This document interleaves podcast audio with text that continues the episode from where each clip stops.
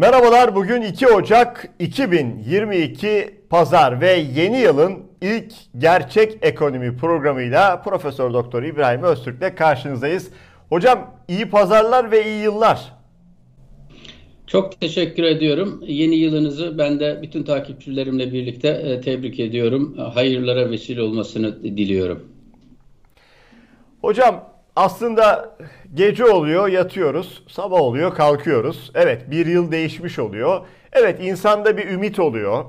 Ee, en azından diyoruz ki keşke olumsuzlukları bu eski yılda bıraksak da bu yeni başladığımız, yeni bir sayfa açtığımız yıl bize güzellikler getir, getirse, insanlığa güzellikler getirse diyoruz. Birbirimizde de böyle o e, pozitif me- mesajları paylaşıyoruz. Fakat şunu biliyoruz ki e, ne yazık ki çok ağır bir gündem var. Daha yıl biterken e, iyice ağzını bozan bir Erdoğan var. Muhalefet partisi liderini hedef alan bir e, cumhurbaşkanı var. Söylemlerin dozu arttı, hakaretlerin dozu arttı, baskının dozu arttı, ekonomistlere soruşturmaların açıldığı, ülkenin kurumlarının, bakanlıklarının kapısına zincirlerin vurulduğu, enflasyonun her geçen gün arttığı, halkın her geçen gün ezildiği korkunç bir atmosfer. Haliyle de hocam yılın ilk programında bu tabloyu ve bizi yeni yılda nelerin beklediğini konuşmak zorundayız diye düşünüyoruz. Şöyle bir başlık attık biz. Zincir vurulmuş bir ülke. Buradan başlayalım mı hocam? E, Turan Bey, yeni yılın ilk programında buradan başlamak ne kadar acı verdiğini e, herkes e, tahmin edebilir. E, ama e, yapacak da bir şey yok. E, Türkiye'nin gerçeği bu. 4 sene, 5 sene, 6 sene e, göreceli olarak sürdürebildiği istikrarlı ortamlardan sonra Türkiye hı hı. bir 10 sene kadar e, bir istikrarını kaybediyor. Dolayısıyla sistematik ve sürdürülebilir bir istikrarlı ülke yaratmayı beceremiyoruz. Yani bunu hangi tarihe kadar götürsek götürelim ama böyle 1950'lerden beri alsak aşağı yukarı böyle genelleme yapmak gerekirse göreceli bir 10 yıl iyi gidiyor. Ondan sonraki 10 yıl tam bir çöküş yaşanıyor. Ee, ne zaman dışarıya açılıp uluslararası kurumlarla, dünyayla entegre olarak çalışsak biraz daha toparlanmış oluyoruz. Çünkü dünyaya çok muhtaç olan bir ülkedir Türkiye. Ee, kendi kendine yeterli olan bir ülke değildir Türkiye. Dolayısıyla dünyanın anladığı dille, ahlakla, e, kurumlarla, bilimsel e, yaklaşımlarla e, barışçıl bir dille e, e, konuşunca göreceli olarak durumu toparlıyor. E, aksi takdirde sırt üstü düşen böcek gibi çırpınıyor, çırpınıyor ve o, el gelip dokunmadığı sürece ayağa kalkamıyor. Yani bu her devran bir sonraki devranın krizini üretiyor adeta. Yani 2010'a kadarki süre de göreceli olarak işler iyi giderken 2010'lu yıllardan sonrasının e, risklerini de kendi içinde barındırıyordu. Bu dönemde e, Türkiye 2001 krizinde olduğu gibi, 28 Şubat sürecinde olduğu gibi durumu fark ederek ya biz yine aynı yere gidiyoruz. Bu böyle olmamalı. Bu sefer bu değiştirilmelidir yaklaşımı sergilenebilseydi e, Türkiye toparlayabilirdi ama maalesef aynı sebep sonuç ilişkileri aynı sonuçları üretiyor nedenlerini değiştirmeden, yapma şekillerini değiştirmeden sonuçların değişmesini bekliyoruz ve o sonuçlar Türkiye'de maalesef değişmiyor. Şimdi yeni bir yılın başında ben e, baktım hı hı. şimdi Amerika'da biliyorsunuz Amerikan Başkanı birliğe e, bir konuşma yapar. E, işte Almanya'nın yeni başbakanı var. Ülkeye hem yeni seçilmiş zaten ilk yılbaşısı. Orada bir konuşma yaptı. İşte ortak acılardan, kederlerden bahsetti. Almanya'nın pandemidir, sellerdir, e, şey, e, hastalıklardır, mülteci krizidir. Bunlara birlik ve beraberlik içerisinde nasıl e, mücadele ettiklerini anlattı. İşte ülkesinin kurumlarının güçlü olmasından, pandemiye aşı üreten, ilk aşıyı üreten, en kıymetli aşıyı üreten ilk ülke olmasından, e, e, mültecilere ev sahipliği yapma konusunda e, e, o konuda Türkiye'de e, kendi yarattığı için sorunu iyi sayılır. E, dolayısıyla bunlardan bahsetti. Biz de kendi ülkemize dönüyoruz. Yani dediğiniz siz de dediğiniz gibi yarın sırf yarın olduğu için bir güzelliği getirmez. Bize zaman kendiliğinden bir şey getirmez. Biz zamanın içinden yürüyüp giderken kıymetli katma değerli e, işler üretebilirsek kendimiz için yarın bizim için daha güzel olacaktır. Bir, e, şimdi ben ama böyle bir ortamda Türkiye yöneten Cumhurbaşkanı'nın milletimizin karşısına çıkmadığını hayal ettim birlikten, beraberlikten, dostluktan, barıştan, kardeşlikten, toplumsal entegrasyondan bahsettiğini, evet bir velev ki kendilerinin sebep olduğu ki kendileri sebep oldu zaten, kendilerinin sebep olduğu bu kriziyle yüzleşmelerini, ya evet biz de belli ki bazı şeyleri yanlış yaptık, yapamadık. Şimdi arkadaşlarımızla toparlanıyoruz. Biz burada neyi yanlış yaptık, neyi eksik yaptık? Biz e, yeni bir perspektife geçiyoruz sorumluluğumuz üstleniyoruz. Yeni kadrolarla, nitelikli kadrolarla bilime, ahlaka, fazilete uygun davranacağız. İşte AK Parti böyleydi zaten, yine böyle olacak gibi yani bir bir e, şu gerilimi düşürecek, tansiyonu düşürecek bir konuşma beklersiniz. Adam herhalde morfinle ayakta tutulduğu için e, anladığım kadarıyla son birkaç gündür o kadar ağır küfürler, hakaretler dolu konuşmalar yaptı ki daha fazla vücudu onu taşımadığı için anladığım kadarıyla morfin rektifiyesine alındı. E, Devlet Bahçeli'yi onun yerine piyasaya sürdüler. Yani mesela e, Türkiye'nin e, en e, büyük iş adamlarına, e, sivil toplum kuruluşlarına yani şu an Türkiye'nin işlerinin yolunda gitmediğinden şikayet etmek hepimizin hakkı. Herkesin hakkı. Gerçekten çok kötü gidiyor. Hayallerimizin ötesinde kötü gidiyor. Eleştiren insanlara bunu böyle değil şöyle yap diyen insanlara teşekkür etmemiz gerekirken bunlara saygıyla yaklaşmak gerekirken e, koca ya bin yıllık Türk devletinin başındaki kişi anırmayın diyor. Havlamayın diyor. Evet. E, bu dille konuşuyor. O çıkıyor üç tane daha rey alınacak diye bir seçim kazanacaklar diye Devlet Bahçeli İstanbul Büyükşehir Belediye Başkanı'nın derhal görevden alınmasını söylerken dönüp de niçin ama alınsın diye sorduğunuzda buna gerek duymuyor. Diyor ki hayal ediyorum ve varsayıyorum ki belediyede teröristleri çalıştırıyor ve onlar halkın suyuna zehir katıyorlar. Düşünün bakalım neler olacak diyor. Şimdi bakın bu laf bu cümlelerimiz daha önceden hatırlıyoruz. 1900'lü yılların başında Ermeni soykırımında kullanılmak üzere Ermenilerin şehrin suyuna e, zehir kattığı iddia edildi. 1970'lerde Maraş katliamında e, e, Alevilerin, solcuların şehrin suyuna zehir kattığı iddia edildi. İşte biliyorsunuz daha sonra Menderes'in gençleri kıyma makilerinde kıyma yapıp öğüttüğünü, bu kadar vahşileştiğini ve canileştiğini yayan, yani siz bir toplumu ne kadar ayrıştırırsanız buna hala bu kadar revaçta olduğuna inanıyoruz. Beni bu üzen kısmı bu Turan Bey. Yani şu toplumumuzun evet. önünde olup bitiyor bunlar. Şimdi MÜSİAD'ın yan kuruluşu gibi çalışan, kardeş kuruluşu gibi e, çalışan ASKON var. An Anadolu e, kaplanları mı bilmem ne kendilerine bir isim vermişlerdi. Şimdi bu kurumun e, e, şeyine genel kuruluna katıldı. Oradan Erdoğan e, ana muhalefet partisi liderine ağzına alınmayacak ne kadar galiz, ne kadar seviyesiz küfürler varsa alayını yaptılar. Ve oradaki topluluk Turan Bey ki bu müsiyat ve askon muhafazakar iş adamları olarak bilinir. Ya bu nasıl bir coşkuyla alkıştı ya? Cibilliyetsiz dediği için, evet. aşağılık dediği için, bilmem ne dediği için artık edebimiz müsaade etmiyor. Bunların hepsini burada tekrarlamaya gerek yok. Ama beni üzen o topluluğun pervasızca bunları alkışlaması. Ya Müslüman böyle insanlar mıydı? Müslüman ahlakı böyle şeyler miydi? Yani bir toplumun bir kesimi Erdoğan için kendini bu kadar ahlaksız bir şekilde ateşe atar mı?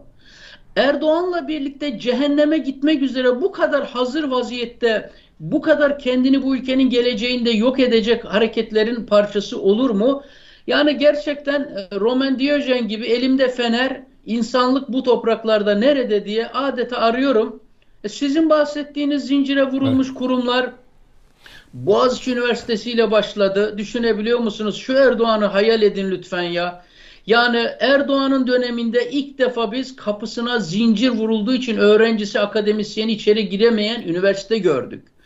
Ülkenin ana muhalefet partisi liderinin halkımız adına enflasyon çok yüksek bize bunu anlat. Kamuoyu inanmıyor. Alternatif enflasyon ölçülecek ölçen kurumlar ortaya çıktı. Yurt dışından enflasyon ölçen kişiler, uzmanlar çıktı. Enflasyon rakamları e, halkın sofrasında yaşananları yansıtmıyor. Bize de anlatın diye TÜİ'ye gidiyor. Denetleme görevi vardır. Türkiye Büyük Millet Meclisi'nin ve partilerin hükümetleri denetleme görevi vardır. Ve bu görevlerinin gereği kurumlara, Merkez Bankası'na gidebilirler, Rekabet Kurumu'na gidebilirler, Milli Eğitim Bakanlığı'na gidebilirler. Ama gelin görün ki Erdoğan bunları kurumlara gidip halkımız adına bilgi istedikleri için, denetim görevlerini yerine getirmek istedikleri için protokolde Kemal Kılıçdaroğlu'nun ana muhalefet partisinin yeri Milli Eğitim Bakanlığı'nın da önündedir. TÜİK'in önündedir, Merkez Bankası'nın önündedir, Genel Kurmay'ın önündedir. Çünkü hala Erdoğan bu kuralları yıkabilmiş değil henüz. Hala bunlar geçerli. E senin bunlara hesap vermen demek, millete hesap vermen demek. Millete şeffaf olman demek. Evet. Fakat maalesef buraları çok geride bıraktık ve sizin manşetiniz gerçekten o anlamda son derece yerinde e, zincir vurulmuş bir ülke manzarası. Ağızlara zincir vurulmuş, vicdanlara zincir vurulmuş, beyinlere zincir vurulmuş, uzmanlara zincir vurulmuş, kurumlara zincir vurulmuş, sahipsiz bir ülkede düşünün bir de bir de şunu koyun lütfen bütün bunların yanına. Erdoğan bunu kaç defadır yaptı herhalde listeyi çıkarsak uzun sürer. Haberim yok diyor. Ben evet. bilmiyorum diyor. 128 mi? Allah Allah diyor. 128 milyar doları mı harcamışlar? Biliyorsunuz ben o zaman Cumhurbaşkanıydım diyor. Başbakan olsam yaptırmazdım diyor. Şimdi bütün ülkeyi topluyor tek elde kendine. Günübirlik başkan atıyor oralardan. Merkez Bankası'na atıyor, TÜİ'ye atıyor, göreve getiriyor, görevden alıyor. Nefes aldırtmıyor ama yeri geldiğinde böyle arsız bir şekilde, pervasız bir şekilde Allah Allah kim yapmış diyor. Asgari ücret açıklanacağı zaman e, bütün kanallardan tek bir seferde kendi açıklasın diye bütün ortamı yaratan adam hatta Sağlık Bakanlığı lan sen acaba ağzından bazı rakamlar kaçırdın mı? diye kamuoyunun önünde fırça atan Sağlık Bakanı estağfurullah efendim biz sizden izin almadan ağzımızı bile açmayız demesine neden olan kişi yılbaşı gecesi halkın uyuduğu, eğlendiği saatlerde gidiyor tarihte emsali görülmemiş zamları açıklıyor ve Erdoğan yok ortalıkta. Ne güzel ya asgari ücreti açıklarken bütün ortak yayınlar sana bağlanıyor. Yüzde elli zam yapıyorsun. Sonra bunların hepsini tek çırpıda konuşacağız bunları geri almak üzere yüzde yüzlere yüzde yüz ellilere varan zamlar yapıyorsun. Kim yaptığı belli değil. Bir de utanmadan tweet atıyor devamında. Diyor ki Bizim gıyabımızda bu zamları yapanların peşini bırakmayacağız diyor. Böyle de adi bir herif. Böyle de ahlaki seciyesi ve seviyesi düşük bir herif yani. Dolayısıyla şunu söylemek lazım milletimize. Bakınız ülkenizi yıkan adam bu kalibrede bir adam. Yarın vallahi gözlerim aksın ki haberim yok diyebilecek bir adam. Benim haberim yok. Ben sarayda hastaydım. iğne oluyordum. Morfinin veriliyordu. Bilmiyorum arkadan gelmiş birileri ülkeyi satmış. Kamu bankalarını satmış. Boğaz'ın çevrelerindeki son kalan vadileri, kasırları, sarayları satmış. Bir de halkımız bir gün fark edecek ki ülkelerinde kiracı durumuna düşmüşler. Fark edecekler ki Kurtuluş Savaşı yaptıkları ülkelerinin tapusu başka ülkelere verilmiş ve o adam hala yaşıyorsa, hala bu topraklardaysa Kıstırdığın zaman, yargının karşısına çıkardığın zaman diyecek ki ben hastaydım. Herkes görüyordu halimi. Morfinle yaşıyordum. Ben aklım başımda değildi ki. Ben ne olduğunu bile bilmiyorum ki. Hiçbirini bilmiyorum şu an. Böyle bir adama bağlanmışlar ve bir kıyamete doğru gidiliyor. Ee, bu başlangıç kötü bir başlangıç yıla bizim için ama evet. ne yapalım Turan Bey? Ee, yapacağımız şey daha da derinlere inerek, daha da gerçek konulara, daha kalıcı kriz fay hatlarına inerek konuları konuşmaktan geçiyor. Başka bir şey yapamayız.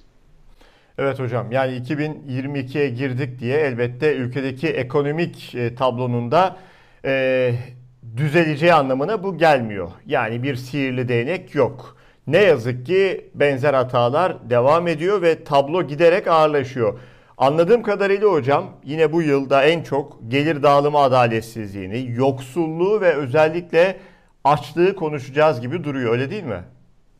E, Turan Bey yani el, e, elimizdeki temel veriler bunlar. Yani e, evet e, kağıt üzerinde kredilerle e, para basarak e, kışkırtılmış e, çok fazla ikna edici olmayan bir 2021 yılında ekonomi büyüdü diye bir lafı e, söyleyecekler belli. Bu netleşti artık.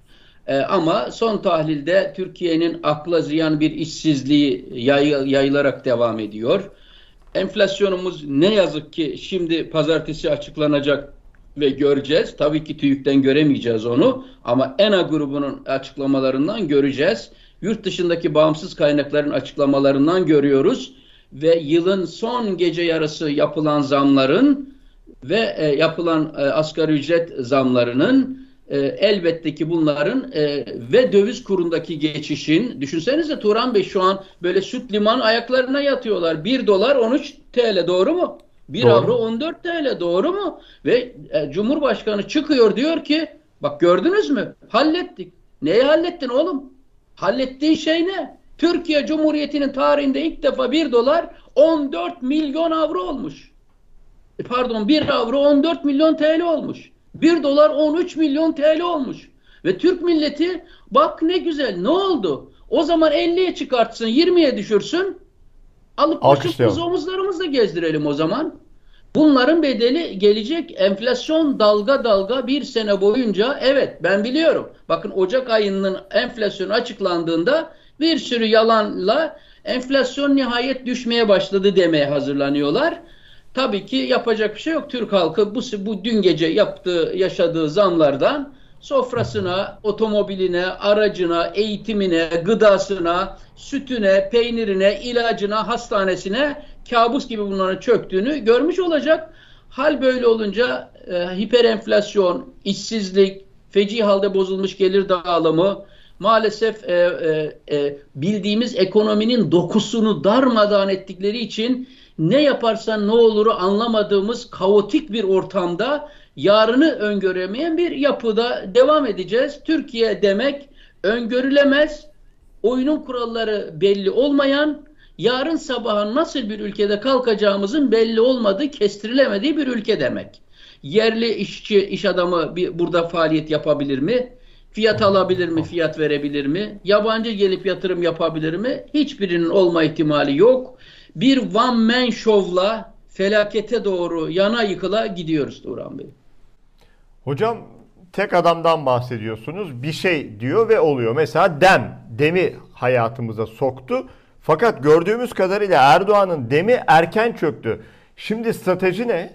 Dem evet bunu zaten e, hemen al, alelacele yaptığımız programda bunun bir kandırmacı olduğunu söylemiştik. E, halk yine halk uyurken yine e, kamu bankalarından milletin hazinesinden paraları satarak o dövizi e, kendi adamlarıyla ve milletimizin paralarıyla millet uykudayken düşürdüğünü sonra buna bir ad bulmaya çalıştıklarını ama bu adın tümüyle bir kandırmacı olduğunu getirisi olmayan fakat e, girecek kişinin üzerine çok faiz, e, sayıda riskleri yükleyen bir ürün olduğunu e, ortaya koymuştuk, göstermiştik bunları. E, halk da bunu çok karmaşık, çok çetrefil, kolay anlaşılması mümkün olmayan bir ürün. Halk nihayet anladı bunu. Diyanetine zorla fetva verdirttiler.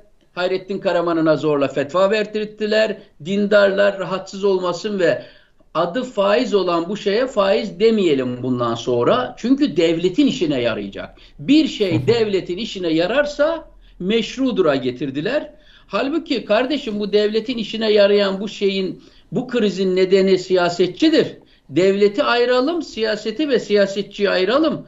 Devletimizi bu duruma düşüren ihalelerdir, yolsuzluklardır, e, kayırmalardır, e, mahkemelerden, sayıştaydan, yargıdan kaçırılan adrese teslim ihalelerdir. Buradaki yapılan yolsuzluklardır. Bunlar bunla Türkiye'yi bu hale düşürmüştür. Yanlış olan budur. Yanlış olan enflasyondur. bunlara helal midir haram mıdır konuşmak gerekirken siz fili kuyruğundan e, tutup tarif etmeye çalışıyorsunuz demeleri gerekirken maalesef hiçbir zaman olmadığı gibi Diyaneti işin içine soktular, dindarları soktular ama buna rağmen halkı ikna edemediler çünkü işin içerisinde korkunç bir enflasyon var. Halkı yüzde 14 ile 20 arasındaki bir faizle sisteme sokup arkasından parasını bloke edip bir sene boyunca enflasyonun altında ezip yok edeceklerdi. Halk bu güvensizliğin e, içinden geçtiği için bu oyuna gelmedi, ilgi göstermedi ve nihayet yeniden döviz 10 civarından 13'e fırladı. E, avro da yine 11 civarından 14'ün üzerine fırladı. Fakat stratejinin ne olduğu da bu arada ortaya çıktı. Onu hmm. anlamış oluyoruz. Strateji şudur. Ee, yani belli ki e, be, e, kesin konuşmamız ne yazık ki mümkün değil ama belli ki bir erken seçimi arayacak. Onun kıvamını oluşturmak için bütün bu çabalar o kıvamı kamuoyu yoklamalarından elde ederse bir baskın seçim yapacağı anlaşılıyor. Evet. Bu hipotezimiz doğruysa o zaman dövizin çıkmaması gerekiyor Turan Bey. E, dövizi bir dövizi çıkmaması ne demek? Zaten çıkmış da adam bu bölgeyi gördünüz mü bak nasıl da kontrol ettik diye satıyor ya. Bu bölgede tutmak istiyor. Bakın sizin elinizde bir tane grafiğimiz var. Onu koyun hem onu görsün e, takipçilerimiz hem de benim e, e, söylediklerime odaklanmış olsunlar. Yani bunlar diyorlar ki e, kardeşim biz e, seçime giderken bedeli ne olursa olsun, maliyeti ne olursa olsun halkın bütün varlıklarını Merkez Bankası üzerinden, hazine üzerinden, kamu bankaları üzerinden borçlanarak, yurt dışından taahhütler vererek ülkenin geleceğini taahhüt altına alarak getirdiğimiz kaynakları harcayacağız ve dövizi tabir yerindeyse al örneğin doları 10 ile 13 arasında tutacağız Buralarda müdahale edeceğiz. Bakın bu grafiğimizde e, dikkat edin e, bu yeşil alanlarla gösterdiğimiz dört tane bölge var. Her birinde bakın döviz yükselmiş düşmüş, yükselmiş düşmüş. Bu şudur Turan Bey. E, günün e, sonuna doğru insanlar döviz alıyor, döviz yükseliyor. Bir gün sonra Merkez Bankası kur ilan edeceği için insanlara kur e, deklare edeceğine söz verdiği için çünkü yeni sisteme Erdoğan'ın demine girenlere bir kur söyleyecek o gün için. O gün o kurun düşük olması gerekiyor. Düşük olması için de kalkıyor, korkunç bir müdahale ediyor, milyarlarca dolar para harcıyor ve sabah kalkıyorsun ki dövizi düşürmüşler.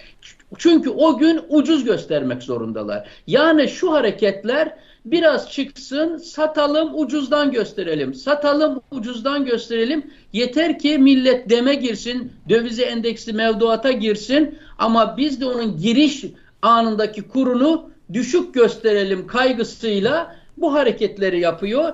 Bunların tümü piyasaya yasalara aykırı bir şekilde arka kapıdan müdahale etme anlamına geliyor. Dolayısıyla bu çok tehlikeli bir şey. Erdoğan dövizi 18'lere 19'lara bunu kaldırabiliriz. Gitmesine izin vermek istemeyecek. Bunun içinde gözünü kapa kararttığı anlaşılıyor. Dolayısıyla dövizde muazzam oynaklıkların olduğu bir dönemden geçeceğiz. Tabi bundan insanlar kendiliklerinden şöyle bir strateji çıkartabilirler. Yani yatırımcı olan insanlar. Ya o zaman biz mümkünse e, aşağıya düştükçe aşağı nere kadar düşüyor bilmiyoruz. Makul bir yerlerden alalım makul bir yerlere kendimize göre çıktıkça da oralardan da satalım. Beklemeyelim 16'yı 17'yi görmesini. Beklemeyelim 9'a inmesini. 9'a inmez ki biz alalım. İnerse de biz yakalayamayız. O zaman 10.5'ları gördü mü alalım. Efendim nereye gidecek bilmiyoruz. 13'ü 13'ü gördü mü dolar? Satalım. Ve böylece trade yapalım. Alsat yapalım. Bana sorarsanız Türkiye bana öyle geliyor ki bu erken seçim satım halinde böyle milletin kaynaklarıyla oynanmak üzere seçimden sonra kim gelirse gelsin iktidara, Erdoğan'ın kendisi dahil olmak üzere, muhalefetten kim olursa olsun, hangi siyasi bileşen iktidara gelirse gelsin, Türk milletinin dizüstü çökertileceği inanılmaz bir tahribata doğru Erdoğan bu stratejiyle Türkiye'yi götürecek anlaşılıyor. Korkunç hocam. Yani şu e, gördüğümüz tabloda mesela yine böyle e, çok reklam yaparak e, kamuoyuna duyurdukları, açıkladığı asgari ücret zamları vardı. Fakat daha cebe girmeden bu zamların eridiğini görüyoruz. En çok konuşacağımız herhalde bu yılda kelimeler ücret, zam, enflasyon, kur, faiz tam anlamıyla bir sarmal içinde Türkiye ve halk. Öyle değil mi hocam? Evet yani Çin modeli dediler bilmem ne olsun dediler böyle günübirlik halkla dalga geçtiler. Çin modeli de onlara belli ki prestij kaybettirdiği için onu hemen apar topar tek terk ettiler. Doğu Türkistan'da insanları milyonlarca insanı ölüm ölüm kamplarına koyan şu an e, Çin'de e, Çin Beijing e, olimpiyatları olacak. E, dünyanın gelişmiş e, ülkeleri Çin'deki bu olimpiyatları protesto ediyor ve katılmıyor. E, o, e, protesto edenlerin içerisinde bir tane Müslüman Türk devleti yok, Arap devleti yok. Kısaca e, Doğu coğrafyasında bize ait komşu coğrafyalardan bir tane e, e, ülke bunu protesto etmiyor. E, böyle bir ortamda e, tabii ki e, korkunç e, zamlar üst üste e, geldi. Doğalgaza yüzde 25 yapmış, akaryakıta yüzde 25 yapmış, elektriğe yüzde 50 yapmış. En hoşuma giden de bu köprülerde yaptığı Turan Bey. Ee, bir yan bir yönden alıyordu, yetmez iki yönden alalım demiş. Tam deli dumrul köprülerine döndürdü. Sadece tamam. köprülerden değil, tünellerden de ve bütün o özel sektör işbirliği içinde yapılan müşteri garantili, dövize endeksli, e, yerli ve milli projelerin hepsinde aynı şey yapılıyor. E, böylece e, otomatikman e, o yüzde 50'lik asgari ücret zammının biz bu programda 2022'nin ortasına kadar en fazla hissedebileceğini düşünmüştük. Şu zam yoktu gündemimizde Turan evet, Bey. Yoktu, yağmur yoktu gibi her hafta zam konuşurken Yılın son günü bu, buradaki stratejileri de şu Turan Bey. Şimdi normalde bu zamlar 2022 itibariyle bu ay e, Ocak'ta yürürlüğe girecek. Fakat evet. açıkladıklarında 2022'nin gecesi yani millet oyunda oynaştayken, içerken, güzelleşirken, ATV'de e, Mutlu Türkiye tabloları seyrederken, yandaş medyadan dünya bizi kıskanıyorları seyrederken tam relax olmuşken, gevşemişken kulaklarından tuttu ve bu hayal edemeyeceğimiz zamı da giydirdi. Bunu Mesela. öngöremezdik. Bu kadar vahşiliğini öngöremezdik. Onu bu yılbaşı karambolünde gitsin, enflasyonu da bu, bu seneye kalmasın diye yaptılar Turan Bey. Çünkü zaten pazartesi göreceğiz vahim bir yüzde yetmişlere e, çıkan bir Türkiye enflasyonu göreceğiz. TÜİ'nin yüzde otuzlara doğru giden enflasyonunu kimse ağzına bile almaması gerekir.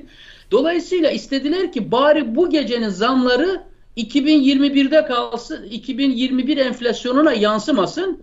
2022'de Allah büyüktür diye onu oraya bıraktılar. Vahim bir durum. Asgari ücretlinin Çok. bitti. Konu kapandı. Bir gecede verdiğini geri aldı. Ve biz bu ortamı tanıyoruz Turan Bey. Biz bu ortamı 1990'lardan tanıyoruz. Standart. Enflasyonun ucunu kaçırdığınız zaman Turan Bey, yani e, Milton Friedman'ın e, Amerikan'ın ünlü Nobel ödüllü iktisatçısı var. Milton Friedman parasalcı iktisatın babası olarak bilinir. Friedman diyor ki enflasyon diyor içkiye, uyuşturucuya bağlı benzer diyor. Alırken keyif verir ama sonrasında bedeli ödenir diyor.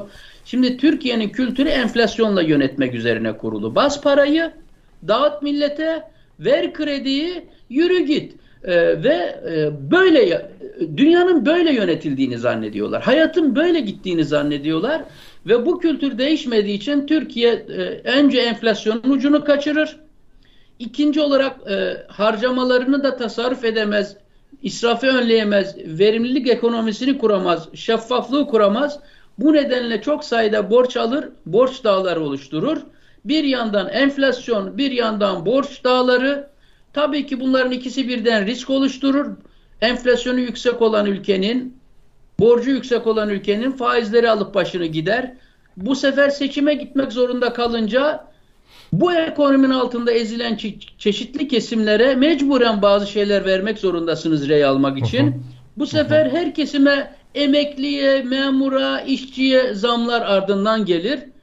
Bu insanlar paranın yarattığı illüzyonla sanki gerçekten bir şey elde etmiş gibi kandırılır ve sonra tekrar seçimden sonra bu zam sahnağıyla, özelleştirmelerle, bo yeniden borç almalarla bir millet yeniden çökertilir.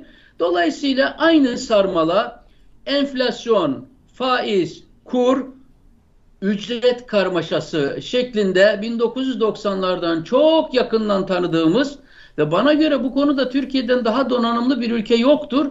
Böyle bir döneme Erdoğan 20 senelik yönetiminden sonra getirdi Türkiye'yi yeniden soktu. Ne hazindir ki, ne kadar üzüntü vericidir ki Türkiye'de bir takım insanlar bir takım yabancı güçlerin bize saldırdığını düşünmektedirler. 2007 yılında neden 20 milyar dolar yatırım yaptıklarını Türkiye'ye sormamaktadır. 2000'li yıllar boyunca neden ülkemize saldırmak yerine oluk oluk para getirmişlerdir? 2000'li yıllarda neden dolar sürekli düşmüş ve ucuz kalmıştır? Düşen dolara rağmen neden ihracatımız artabilmiştir? Bunları sormayıp bu konuda farkında mısınız kumaşımızın aynı olduğunu Turan Bey? Kemalistiyle, layiyle, dindariyle, şeriatçısıyla, milliyetçisiyle aralarında bir fark yok. Yönetemedikleri zaman hemen dış düşman yaratıyorlar. İç düşman yaratıyorlar. Bakıyorsun içeride bir gecede e, Gülenciler tehdit oluyor, Kürtler tehdit oluyor, liberaller tehdit oluyor, solcular tehdit oluyor, konu, akademisyen tehdit oluyor, bilim adamı tehdit oluyor, üniversite mezunu tehdit oluyor ve bu kaderimiz dün de değişmemişti, bugün de değişmiyor. Belki biraz da bu boyutluyu da konuşmamız lazım yani. Evet hocam e, toparlayalım isterseniz. E, özellikle eklemek, vurgulamak istediğiniz bir e, başlık var mı? Şimdi e, Turan Bey e, açıkçası e, bir e, kısa bir konuda e, bir e, yani akademisyen e, ve sorumluluğu gereği bir konuyu gündeme getirmek istiyorum burada. Lütfen. E, toplumumuzda sayısı az ama verdiği acı çok yüksek olan bir SMA hastalığı var. E, bu hastalık e, kas kaybı ve zayıflığına bağlı çok da yaygın olmayan çocuklar arasında bir hastalık olarak gözüküyor. Bu SMA e, hastalığının e, pahalı bir e, tedavisi var. Türkiye'de aşağı yukarı beni bilgilendiren bu konuda mücadele eden insanlara ulaşıp nasıl gittiğini, dertlerinin neler olduğunu sordum. Türkiye'de bin civarında bu SMA hastasından var. Avrupa'da Zolgensma e, denen bir gen tedavisiyle bu hastalığın büyük oranda sıfırlanmadığını ama o çocuğun ölmeden büyüyüp yaşayabilecek kendi temel bazı ihtiyaçlarını karşılayacak hale gelebileceği bir tedavi var. Ama bunun tedavisi çok pahalı. 2 e, milyon e, doların üzerinde bir tedavi masrafı var bu hastalık başına gelen gariban ailelerin öyle 2 milyon dolar bilmem ne gibi bir paraları takdir edersiniz ki ödeme imkanı yok. Yardım organizasyonları e, maalesef engelleniyor.